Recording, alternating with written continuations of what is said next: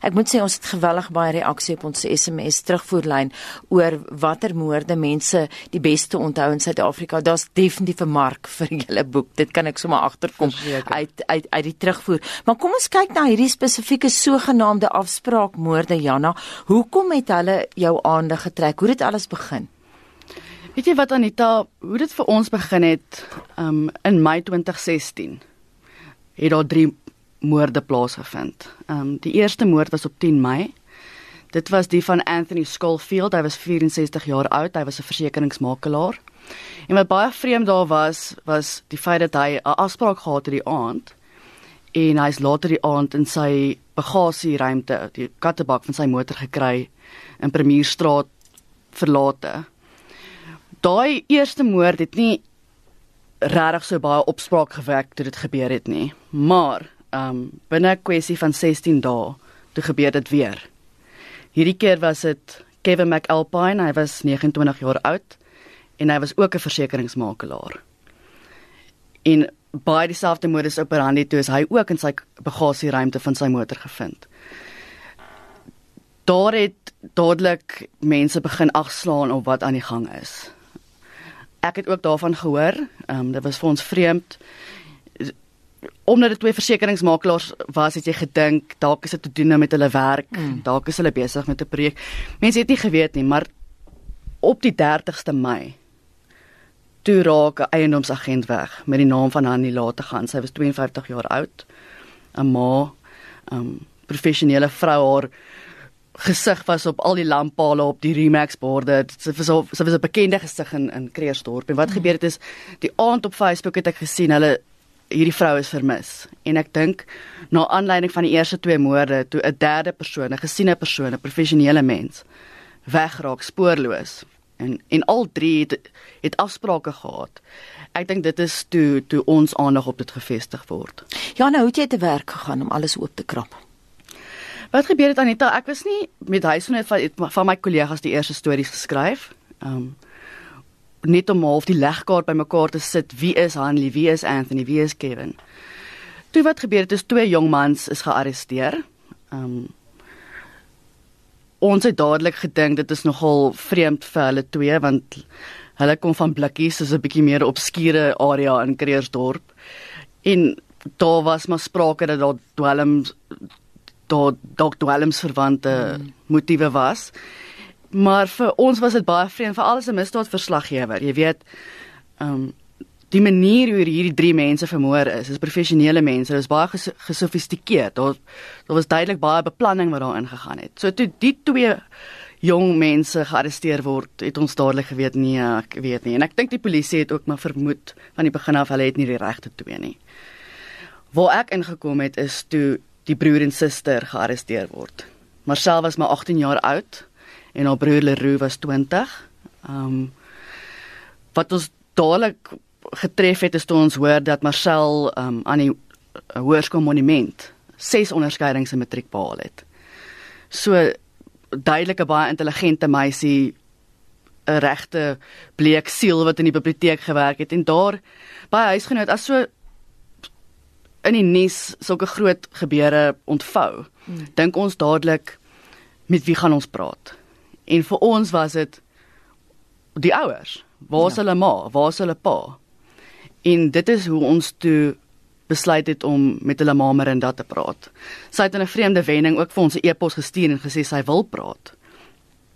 Maar ons het tot toe nou in die hande gekry. Ek dink 'n paar um, joernaliste was op haar spoor daardie week en ek het toe Marinda by 'n koffiewinkel ontmoet. Die boemeisie en ek het toe omtrent 'n uur en 'n half onderhoud met haar gehad oor haar kinders. En wat was jou indrukke van haar? Nou, Marinda was 'n onderwyseres. Um, sy het Engels gegee by die hoërskool Jan de Klerk. Wat nogal vreemd was van haar as jy daarna kyk, jy weet vir onderwyseres, sy's vol tatoeëermerke, sy het 'n spinnekop hier in haar nek. Um, maar ek kon aflaai na sy's baie in as sy praat, sy's baie wat sy sê is baie afgemete, sy's baie in beheer, sy's jy kan agterkom sy's baie intelligent. Ehm um, Ja, sy het 'n goeie indruk op my gemaak. Kom ons gaan 'n bietjie na van die ander toe. Ek weet uh, jy kan praat oor John Barnard. Hy is nou reeds gefonnis tot 20 jaar tronkstraf nadat hy in Desember 'n pleit ooreenkoms met die staat aangegaan het. Wat was jou indrukke van hom? Baie interessant, net om terug te kom na Marinda, toe ons die onderhoud met haar moes gehad het, het sy in die begin so 'n bietjie van 'n kat en my speletjie met ons gespeel wat sy die afspraak met haar die hele tyd gekanselleer het. Toe gaan ek op soek na haar op na haar woonstel, na die Kusana woonstel blok in Burgerstraat. Mm -hmm. En wat baie mense nou al sal dalk weet is dat 2 weke na my onderhoud met, met Marinda is sy gearresteer vir die moorde. Op soek na haar het ek na die woonstel toe gegaan en daar het John Barnard vir my die deur oopgemaak. En John, dit was vir my baie vreemd toe ek sien die man wat hier so bly. Ek het nie geweet is dit 'n kerel of wie is hierdie persoon nie. Um lang maar man, um jy kan sien hy het maar harde lewe gehad. Daar was hy was baie betrokke in dwelms gewees. Um maar hy het ook 'n goeie indruk op my gemaak daardie dag. Maar toe staan jy op die drempel van 'n woonstel waar hoeveel van die moorde gepleeg is? Waar die drie moorde plaasgevind het. Um dit was eers na my onderhoud met Marinda na sy gearresteer is wat wat dit my regtig getref het. En ek dink dit is dalk waar die idee vir die boek ook gesprei het want jy weet hier het ek gestaan op die drempel van die woonstel waar die moorde plaasgevind het en wat ons nou weet is dat Anthony Kevin en Anlie is al drie in nommer 17 vermoor. Um en wat ons weet is as jy by daai woonstel ingestap het, het jy nie lewendig daar uitgekom nie. So wat daardie dag gebeur het was vir my eintlik daarna nogal angswekkend om te weet ek het by daai woonstel gestaan. John Barnard wat teenwoordig was tydens die drie moorde het vir my die deur oopgemaak. Ek en hy het nommers uitgeruil. En toe het ek aangegaan om onderhoud van 'n uur en 'n half te hê eintlik met die moordenaar. Hoe pas hy presies in die prentjie in? Hy's nou nie familie nie en uh, wel daar's drie familielede nê en dan is ja, daar nou die meesterbrein ja. ook. Ek sal later by die meesterbrein kom maar net wat John aanbetref. Hy het sy werkgewers vermoor. Hoe pas hy in die groter prentjie in van hierdie familie? In die groter prentjie John Barnard was vriende met die meesterbrein, Cecilia. Nou Cecilia het ook by die Kusana woonstelblok gebly in nommer 1. En Cecilia se van is ook Stein, maar sy, sy is nie familie Stein, nie. Maar is nie familie mm. van mekaar nie.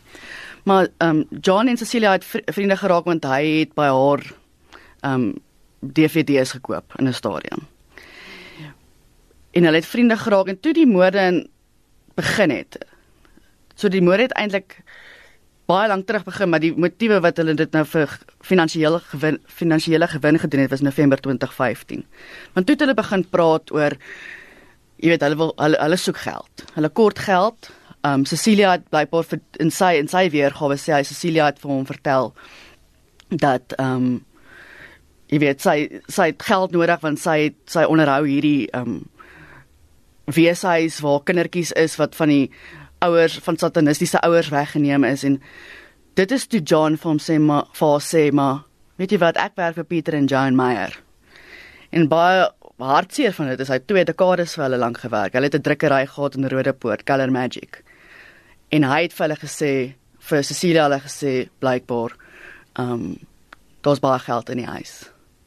En dit is waar die moorde in 2015 begin het en dit was dit sou sewe moorde gewees het wat geëindig het met haar nie laat te gaan. Ja, ons moet ook die woord na bewering gebruik as mense oor die Steins praat in terme van die Natuurlijk. moorde. Maar met John Barnard kan ons sê hy is 'n moordenaar. Hy is reeds gefonnis tot 20 jaar. Ja. Ons weet hy het hierdie moorde gepleeg.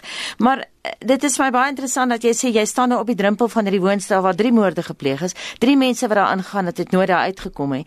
En jare daarna gereis. Nee, verseker, ehm um ek dink dit is net wat hier gebeur het. Ek dink dit is hoekom dit vir mense so skokkend is want dit is net absoluut ondenkbaar hoe dit gebeur het, hoekom dit gebeur het en ek moet met alle eerlikheid vandag sê as dit nie was vir die ondersoekbeampte kaptein Ben Boysen van die Gautengse Valke nie weet ek nie hoe sou mens al hierdie drade bymekaar gebring het nie want soos jy weet ook hierdie moorde en wat Rudolf Zinn ook gesê het, het dit het oor 'n verloop van 4 jaar gebeur. Dit het in 2012 hmm. reeds begin. So dit was dis 11 moorde wat wat hulle bymekaar moes trek. En die tweede Sarsie moorde in 2016. 2015 2016 ja. Baie mense praat oor die die jong meisie Marcel wat nou die ses onderskeidings mm. gehad het as sy die moorde help pleeg het want is nog na bewering dan ja. sou sy dit gedoen het terwyl sy matriek eksamen geskryf het en terwyl sy ses onderskeidings gekry het. Ja, in die tyd wat sy matriek was, is Pieter en Joan Meyer vermoor. Sy sy word aangekla daarvan. Sy word aangekla dat sy op die toneel was. Ek dink dit is waar hoekom ek en Mariska ook hierdie boek skryf want um, net om in hulle siege in te klim. Hmm. Om om te kan dink hoekom en en hoe weet sy hoe jy weet as sy 'n skuldig is hier aan jy weet hoe bring jy die twee bymekaar? Hoe bring jy die skoolmeisie ehm um, van die biblioteek bymekaar by by 'n moordenaar, 'n koelbloedige moordenaar? Kom ons praat 'n bietjie oor uh, Zak Valentine. Hy was ook na bewering betrokke by die moorde, maar uh, vir my baie interessant geweest. Hy het gewerk vir Discovery as 'n finansiële konsultant. So hierdie is nie die tipe van mense wat jy sou dink moorde sou pleeg nie. Nee. Hierdie was professionele middelklas mense. Ja. Ek sê nie professionele middelklas ja. mense pleeg nie moorde nie, maar ek bedoel nou net ja. ek het nou gesit en dink gister Mense kon nou na Discovery toe gaan het en saam met hom gesit het. Ja. In 'n kantoor en met hom gepraat het oor jou finansies min wetend. Wat was jou indrukke van hom? Wat interessant was as jy lees wat op op sosiale media wat mense en vriende van Zak sou sê is hoe hoe goeie hoe goeie mens hy was, hoe loyale vriend hy was, hoe liefdevolle mens hy is.